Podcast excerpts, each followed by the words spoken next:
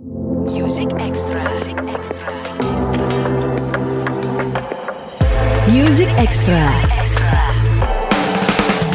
Benar, itu kenapa dibilang namanya baku cakar karena emang satu sama lain saling mencakar yang lain gitu Oh. dengan dengan improve improve itu bahasanya gitu ya. karya selanjutnya itu jadi nggak ketebak. Mau, mau mau bikin apa nih di baku cakar? Itu yang menarik. Itu jadi dia. seperti apa karya Jadi. Lagu selanjutnya akan bertema seperti apa? Atau itu yang menarik? Jadi kayak Iya, iya, iya. Guys, guys kalau abis ini kita keluarin Marawis gimana? Lucu nggak? ya? ya ketebak tuh. Halo semua, selamat datang lagi di Music Extra barengan sama gua Reno Aditya. Gimana rasanya hidup bersama bertahun-tahun? Buat yang udah nikah mungkin tahu jawabannya. Tapi yang ini nggak nikah, tapi hidup bersama 12 tahun lebih. Mereka adalah The Baku Cakar. Wah. Mendapat kabar. Oh, nanti ngobrol sama The Baku Cakar ya. ini ini ini eh, musisi-musisi keren dalam satu band. Terus udah bareng-bareng lama banget ya. Kemudian kalau misalnya Good Friend belum dengerin single perdana mereka as The Baku Cakar, harus dengerin. Ini kayak jadi kalau band baru itu kayak lagu perkenalan. Baku Cakar. fun, tapi fun banget kayak eh, ya ini Baku Cakar ini bukan band deh kayaknya. Ini adalah sebuah keluarga, benar nggak sih? Bisa dibilang begitu. di mana eh, di mana dari ca- cara ada perbedaan biasanya yang yang kita rasain kalau misalnya eh, ada sebuah karya dirilis pasti bagus pasti rapi gitu ya. Tapi ada vibe ada perasaan yang dibagikan lewat sebuah karya itu kadang-kadang nggak bisa dibohongin gitu. Kedekatan antar personilnya nah hari ini good friend kita punya lima orang personil yang sudah hadir. Ada abang kita Rayendra, Rifka Rahman, Bonar Abraham, Niki Manuputi dan juga ini yang paling senior kayaknya nih. Abang Kenzo. Sama tuh. Bang Kenzo. Kenzo. Kata- kita luruskan Paling namanya muda, Ken iya, iya. Sementara paling muda di sini. Itu nama Kenzo. Yen, jangan ketawa, Yen. Bunga, kenapa Kenzo sih, Bung? Sampai mati. Kan orang jadi bingung. Biarin aja lah. Kena Kena Lango. Kenalango ya. Oke. Ya. Kenzo itu nama kenalan. Kalau kenalan kan Kenzo biar keren. Ya, tergantung. Kenzo, Sama- Kena tergantung. Kayaknya nama panggung sekarang ya Kenzo ya. Tapi ya itu tadi, kita ngomong soal kebersamaan selama 12 tahun The Baku Cakar sebagai band yang mengiringi uh, mendiang kakak Glenn pasti kan apa ya uh, banyak ups and down-nya banyak. Kalau nggak salah kan yang ada sekarang itu nggak langsung terbentuk dari awal kan? Ada ada yang keluar masuk juga ya? Bukan keluar masuk sih, ada kan kita kita pokoknya kita bilang bahwa baku cakarnya dari tahun 2008 gitu ya. uh, mengiringi Glenn. Cuma sebenarnya be- uh, 2008 itu saat kita tuh semua ngumpul dalam formasi ini. Oh, Jadi gitu. beberapa dari kita tuh ada yang dari sebelumnya juga sudah ada gitu kira-kira. Cuma dari 20, 2008 sampai sekarang formasinya tidak berganti. Oh, jadi emang solid selama 12 tahun, Ya. nah. 12 13 tahun berarti di 2020. 13 tahun ini ya. Yang ketiga, ya tahun ke-13 sekarang. Masuk tahun ke-13 betul. Karena kan gini ya, eh, kalau kita kita flashback ke Batu Cakar di awal di awal berkarir, namanya home band atau band pengiring, kadang-kadang kan nggak terlalu dilihat dalam artian ya yang ketika datang nonton konsernya yang ditonton adalah emang si soloistnya nih dalam hal ini pada saat itu adalah kakak Glenn.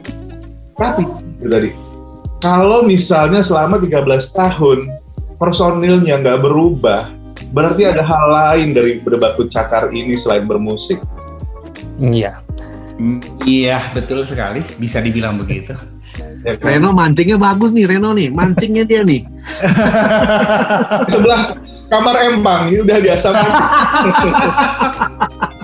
Oh, tapi tapi tapi Ren jujur aja sih dari sekian banyak pertanyaan yang kita udah dapat kemarin-kemarin ini pas kita launching single ini kan kita ada beberapa interview juga.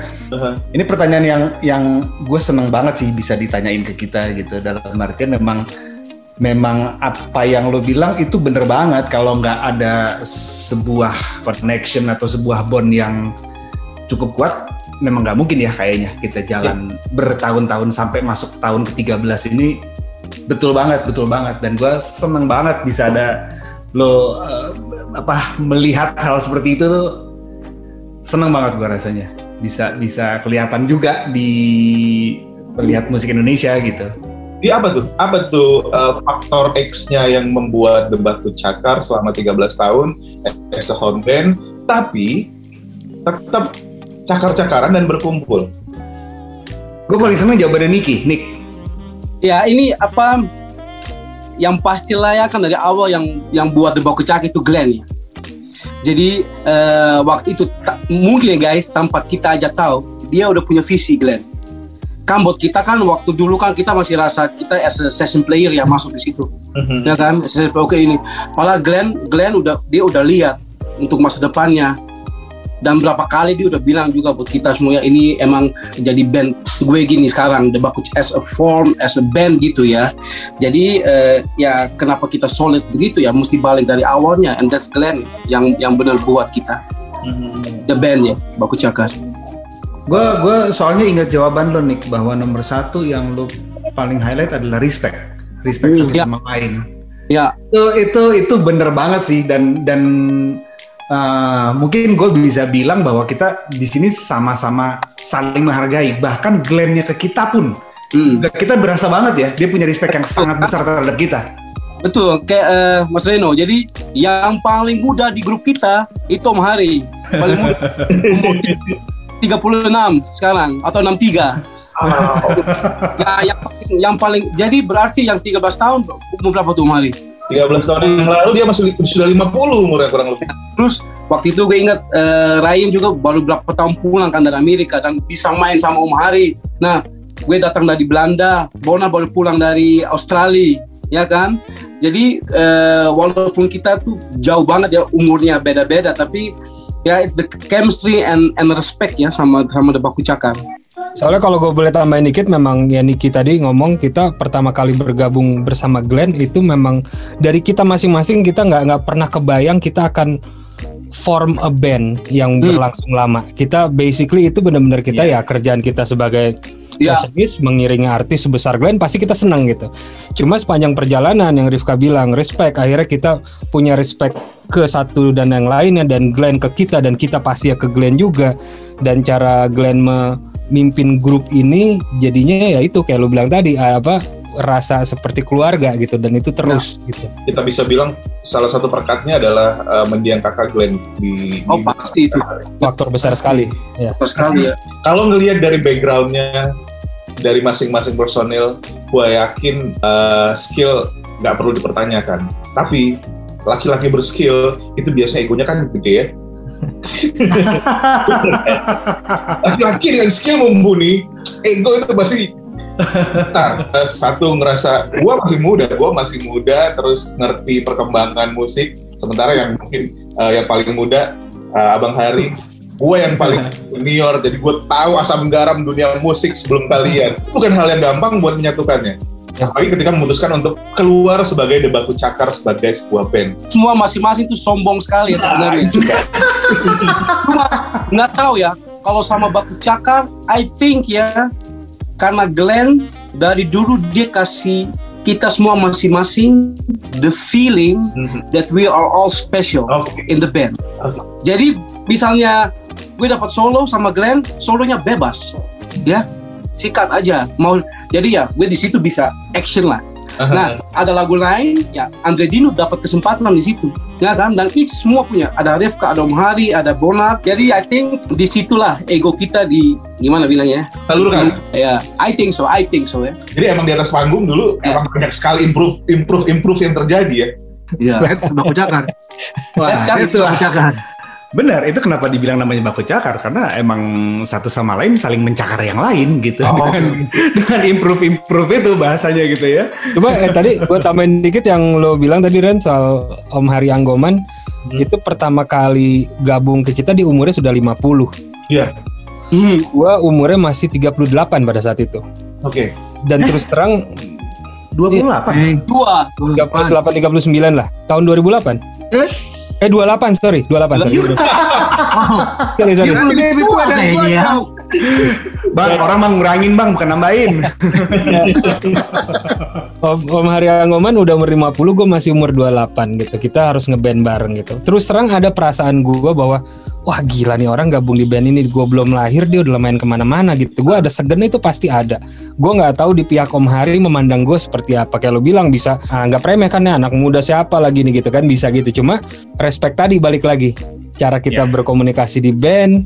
Gue ngomong Om hati-hati pertama kan ngomong kalau mau Om coba kalau bisa mainnya begini ya sopan sekali gitu kan coba reply balik kalau dari Om Hari pun oh siap ya nih gimana ya wih ini orang sudah sesenior ini tapi respect ke gue masih tinggi banget ya Yes. iya dari, dari situ masing-masing terbentuk lah gitu Jadi kayak semua eh, nggak ada yang ngerasa di nomor dua kan kayak semua semua ego bisa tersalurkan di sini ya. iya gue mau sambung. Jadi memang benar awalnya kan Glenn menaruh respect itu kepada kita semua sehingga kita bersambut gitu ya. That's a cakar lah ya. That's it. kategori baku cakar dalam bermusik dalam sehari-hari. Cuman eh, di saat tadi kayak Ryan bercerita tentang tentang tentang bagaimana respect dengan Om Hari, bagaimana kita semua menaruh respect pada dia, dia menaruh respect pada kita. Even sampai kita tuh nggak pernah mikirin ego sebenarnya kalau di saat kita bermusik. Mungkin itu salah satu highlight di, di, di baku cakar ini. Mungkin secara secara in the real life ada mungkin gesekan nggak bisa gitu dong. Lu harus begini. That's normal. Orang berinteraksi ya dalam sebuah grup itu normal kan. Lu nggak bisa gini gue nggak setuju.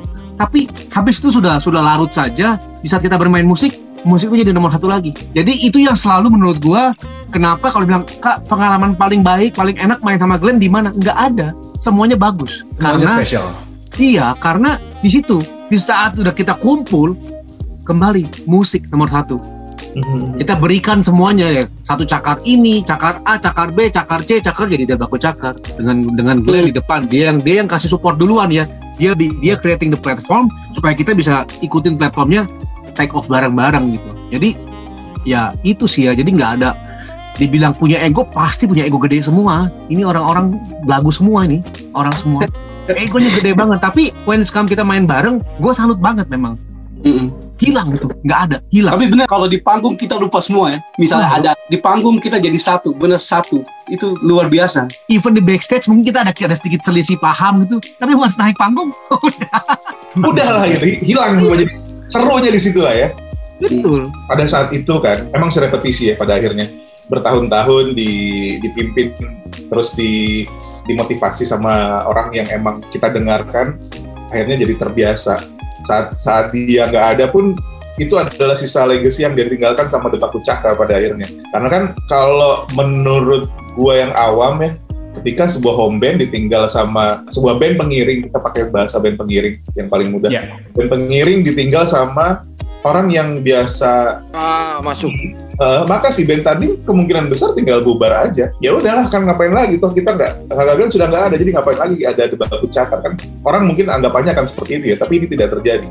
Yang terjadi adalah debaku cakar tetap eksis bahkan memutuskan untuk merilis sebuah karya sendiri sebagai debaku cakar. Itu yang menarik kalau buat gue. Berarti itu tadi kenapa di awal berarti ada sesuatu nih dari debaku cakar kenapa eh, mereka tetap berada di satu rumah sampai saat ini. Kalau ngomongin soal proses kreatifnya, semua orang pasti tahu, nggak jawabannya pasti sama. Tapi yang pengen gue tahu adalah ketika berkarya dengan lagu sendiri, karena kan ini adalah sesuatu yang berbeda ya. Ketika itu, ketika debat Ya, ya. sama Glenn, ya karya-karya Glenn yang dibawakan ini adalah karya Debaku Cakar. Ada yang hilang nggak sih? Ada yang dikangenin nggak ketika berkarya untuk atas nama Debaku Cakar sendiri? Wow. Berat. Eh, yang lu omongin tadi itu bener banget. Itu semua apa yang kita rasain gitu ya. Bukan cuma kita aja pastinya. Banyak sekali orang yang kaget dengan kepergian Glenn. Dan pastinya di awal, di masa-masa awal itu kita udah kita pastinya sedih, kita pas merasa kehilangan gitu dan pikiran berikutnya adalah habis ini kita ngapain? Karena kita sudah terbiasa main musik belasan tahun, itu bukan cuma kerjaan lagi buat kita.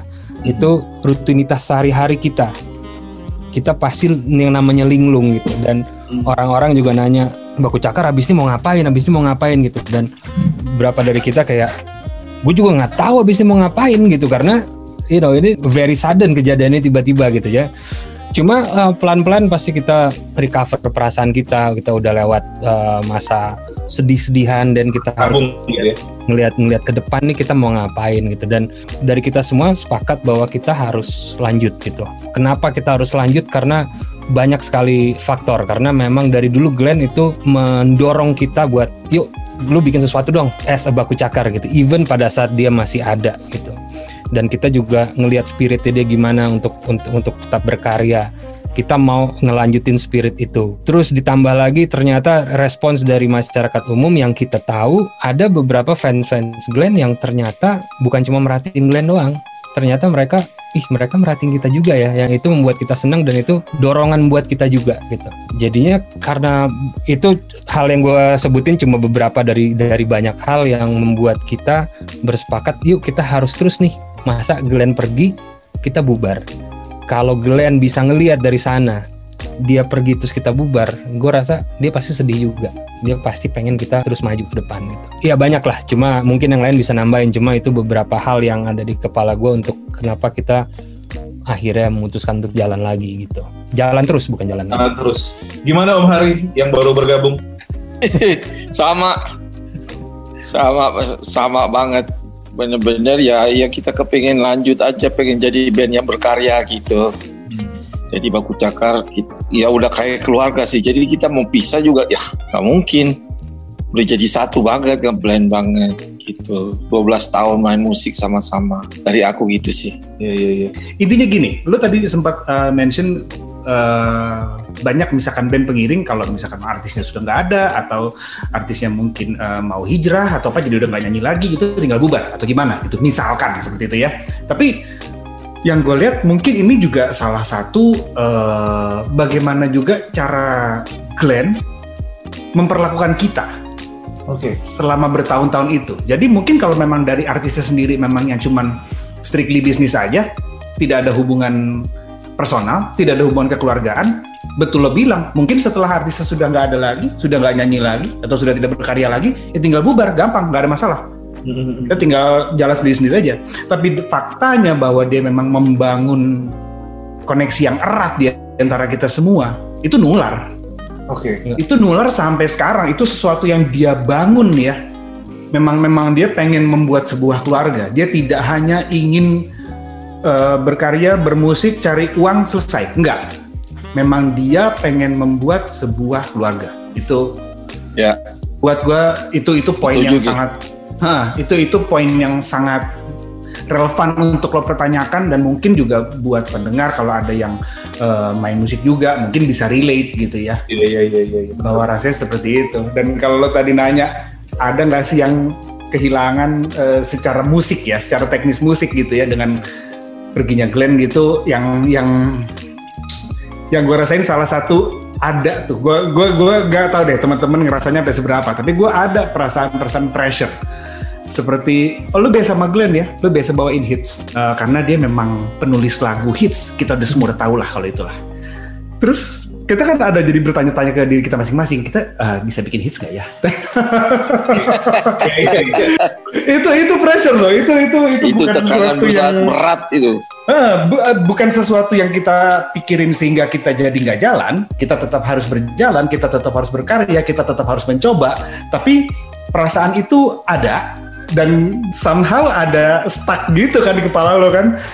Gue nulis lirik gitu, Gi- gimana caranya gue nulis lirik seperti Glenn Fredly gitu kan? Wow, itu tantangan yang luar biasa sih. Iya kali gini kali. Lalu kita bertahun-tahun udah main di panggung gede bareng Glenn gitu kan. Terus sekarang kita nggak ada, terus orang bisa Oke lo belasan tahun keren-keren. Sekarang lihat Glenn nggak ada kayak gimana? Sekarang lumayan.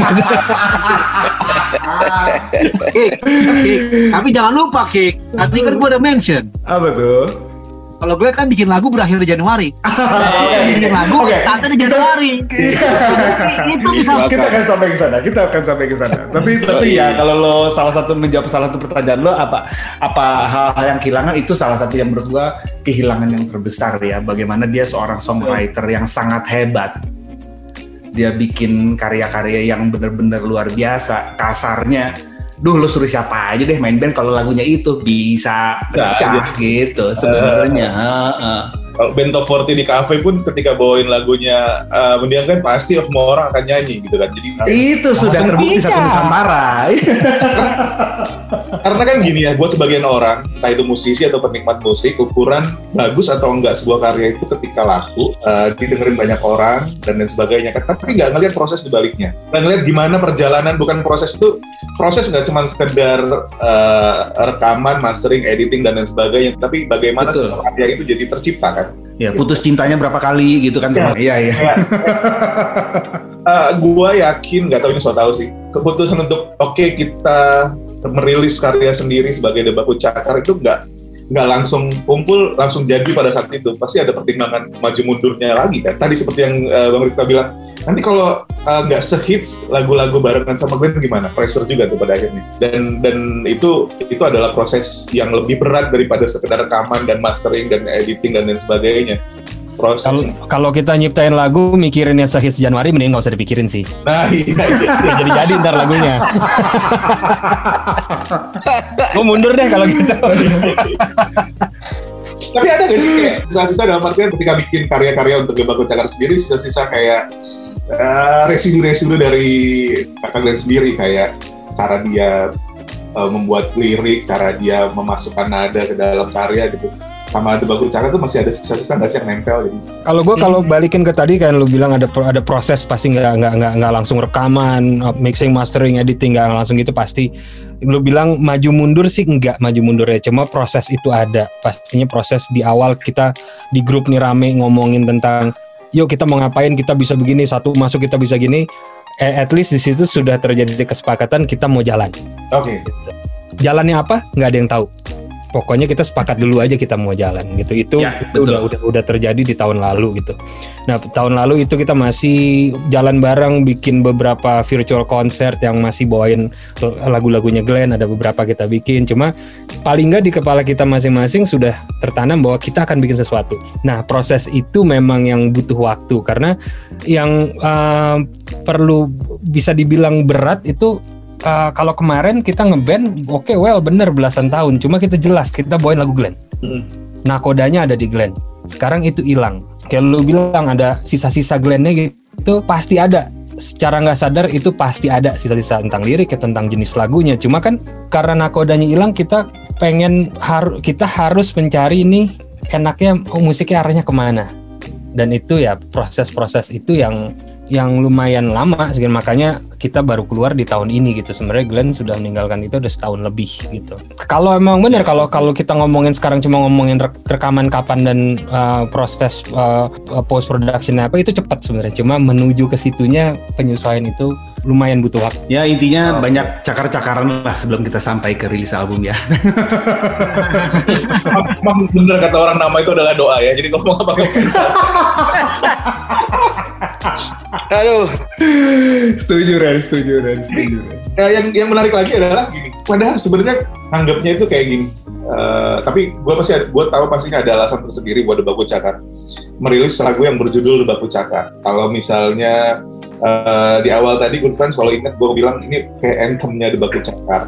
Kalau they present uh, Debaku Cakar itself terus tanpa kalian dengerin eh, tanpa kalian nonton misalnya ada music videonya akan akan sangat merasakan bagaimana Debaku Cakar ini bermusik bukan cuma sekedar sebagai sebuah band aja tapi ya itu tadi kayak eh, kayak kayak misalnya gini lah kayak keluarga nih. Keluarga besar yang kumpul ketika mudik terus ngejam bareng-bareng di halaman rumah di teras rumah. Nah seperti itulah rasanya ya itu kan rasanya ketawa-ketawa yang eh, ibarat kalau kalau kalau nggak direkam mungkin ada salah-salah dikit. Itu kan sebenarnya pilihan. Padahal bisa dimulai dengan karya yang disukai sama mayoritas pencinta musik Indonesia. Lagu cinta yang yang sedih atau apalah gitu yang temanya yang temanya tuh bisa orang bilang ini relate banget kak sama aku. Sementara single perdananya Debaku Cakar adalah sangat relate sama Debaku Cakar kayak single egois nih. narsis sebenarnya. Narsis. narsis aja. Ya kan itu kayak pilihan yang menarik sih maksudnya kayak eh, ada ada ada pesan apa sih yang pengen disampaikan dari kenapa yang kita rilis duluan adalah Debaku Cakar Aku jadi jadi nggak tahan pengen buka juga nih lama-lama nih. Aduh. buka Karena jujur aja, eh, kalau ya ini berhubungan dengan rencana-rencana kita ke depan, tapi kita kan eh, pada awal bulan Januari 2021, awal tahun ini maksud gue sorry, kita tuh memang pergi ke sebuah tempat Ren. Kita songwriting camp bareng di sana. Terus eh, kita empat hari tiga malam ya, betul ya empat hari tiga malam. Ya. Kita di sana kita jamming, kita nulis lagu dan memang eh, ada beberapa materi yang sudah tercipta di situ gitu. Nah untuk menentukan single pertama itu memang banyak pihak-pihak baik internal kita, ins- eksternal juga yang bilang gimana kalau yang lagu yang itu yang jadi single gitu. Tapi which is mungkin relate sama yang lo bilang bahwa kenapa nggak yang lagu lebih cinta, apa lagu yang lebih ngepop atau lagu yang lebih gimana gitu kan. Tapi nggak tahu mungkin eh, kita kerasanya ini memang harus kita komunikasikan dulu kayaknya ya buat musik Indonesia bahwa Yeah. hey kami di Baku Cakar we're Yeah. here we're not going anywhere kita emang emang emang kita masih bakal tetap berkarya kita masih akan tetap berjalan dan kalau buat yang udah tahu Baku Cakar langsung langsung ngerti dari dengar musiknya tapi mungkin buat yang belum kenal ya halo salam kenal kami di Baku Cakar Kalau misalnya good friend dengerin debaku cakar, udah ketahuan lah. Semua skill ditumpahkan di situ gitu. Ada solo sessionnya masing-masing dengan durasi yang nggak terlalu panjang sebenarnya. Cuman itu tadi yang menarik, yang gue suka ketika ada ada undangan untuk ngobrol barengan, barengan sama debaku cakar. Karena banyak sekali hal-hal menarik yang yang bisa kita dapetin di sini selain musisi-musisi yang keren, yang yang kita tahu semua skillnya dan lain sebagainya. Yaitu adalah uh, bagaimana bermusik nggak cuman dengan uh, hati, nggak cuman dengan skill yang mumpuni, tapi ada faktor lain yang ngebuat bermusik itu walaupun ada perbedaan umur yang sangat jauh antar personilnya bisa Wah. Itu nggak enak tuh kalau sudah nyebut umur tuh. Nggak enak ini. Tapi bener, nggak enak pokoknya. bener nih Om Hari sebagai personil yang paling muda di Itu dia. akar gitu kan. Eh, 36 tahun nih mas. bener kan 36 tahun itu kan lagi lagi emosi-emosiannya ya. Iya.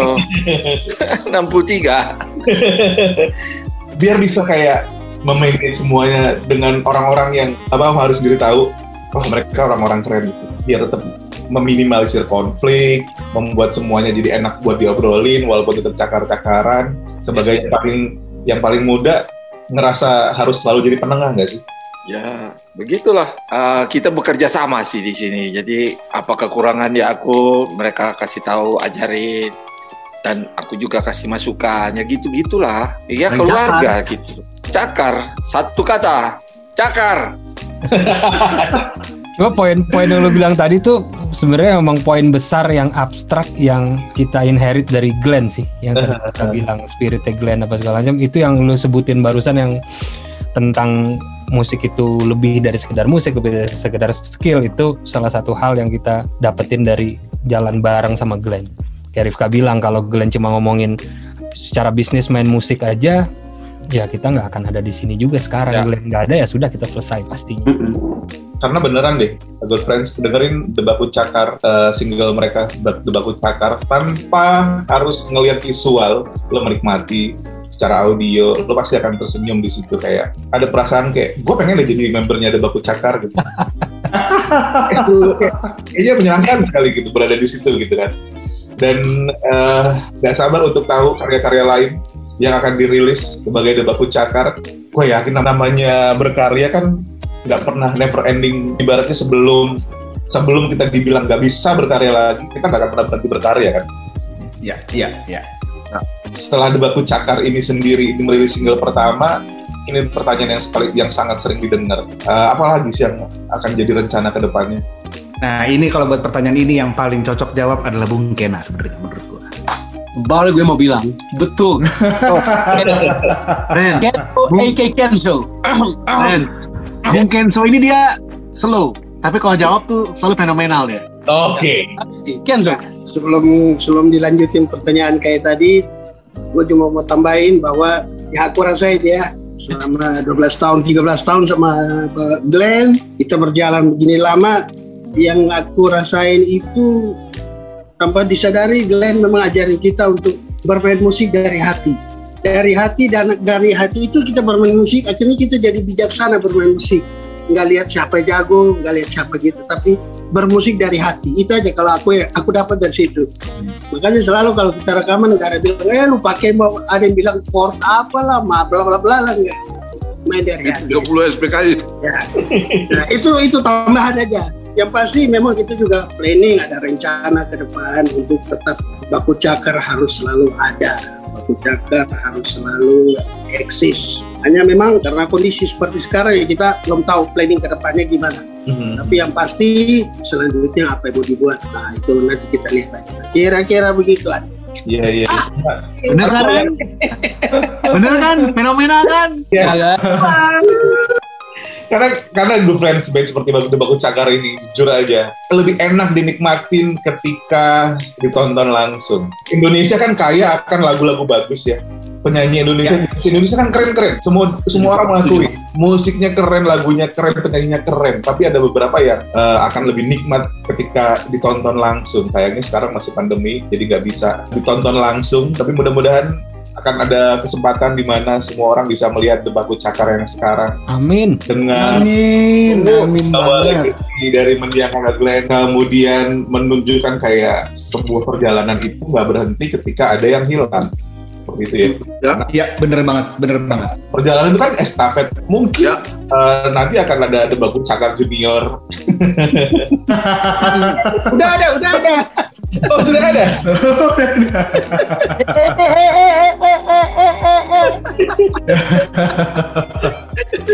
tapi tapi itu gue setuju banget Ren yang lo bilang. Gue tadi sempat mikir lo ngomong maraton apa estafet ya? Tapi ternyata bener memang lo emang ngomong estafet. Karena memang bener itu sesuatu yang harus lo serahkan lagi ke generasi berikutnya.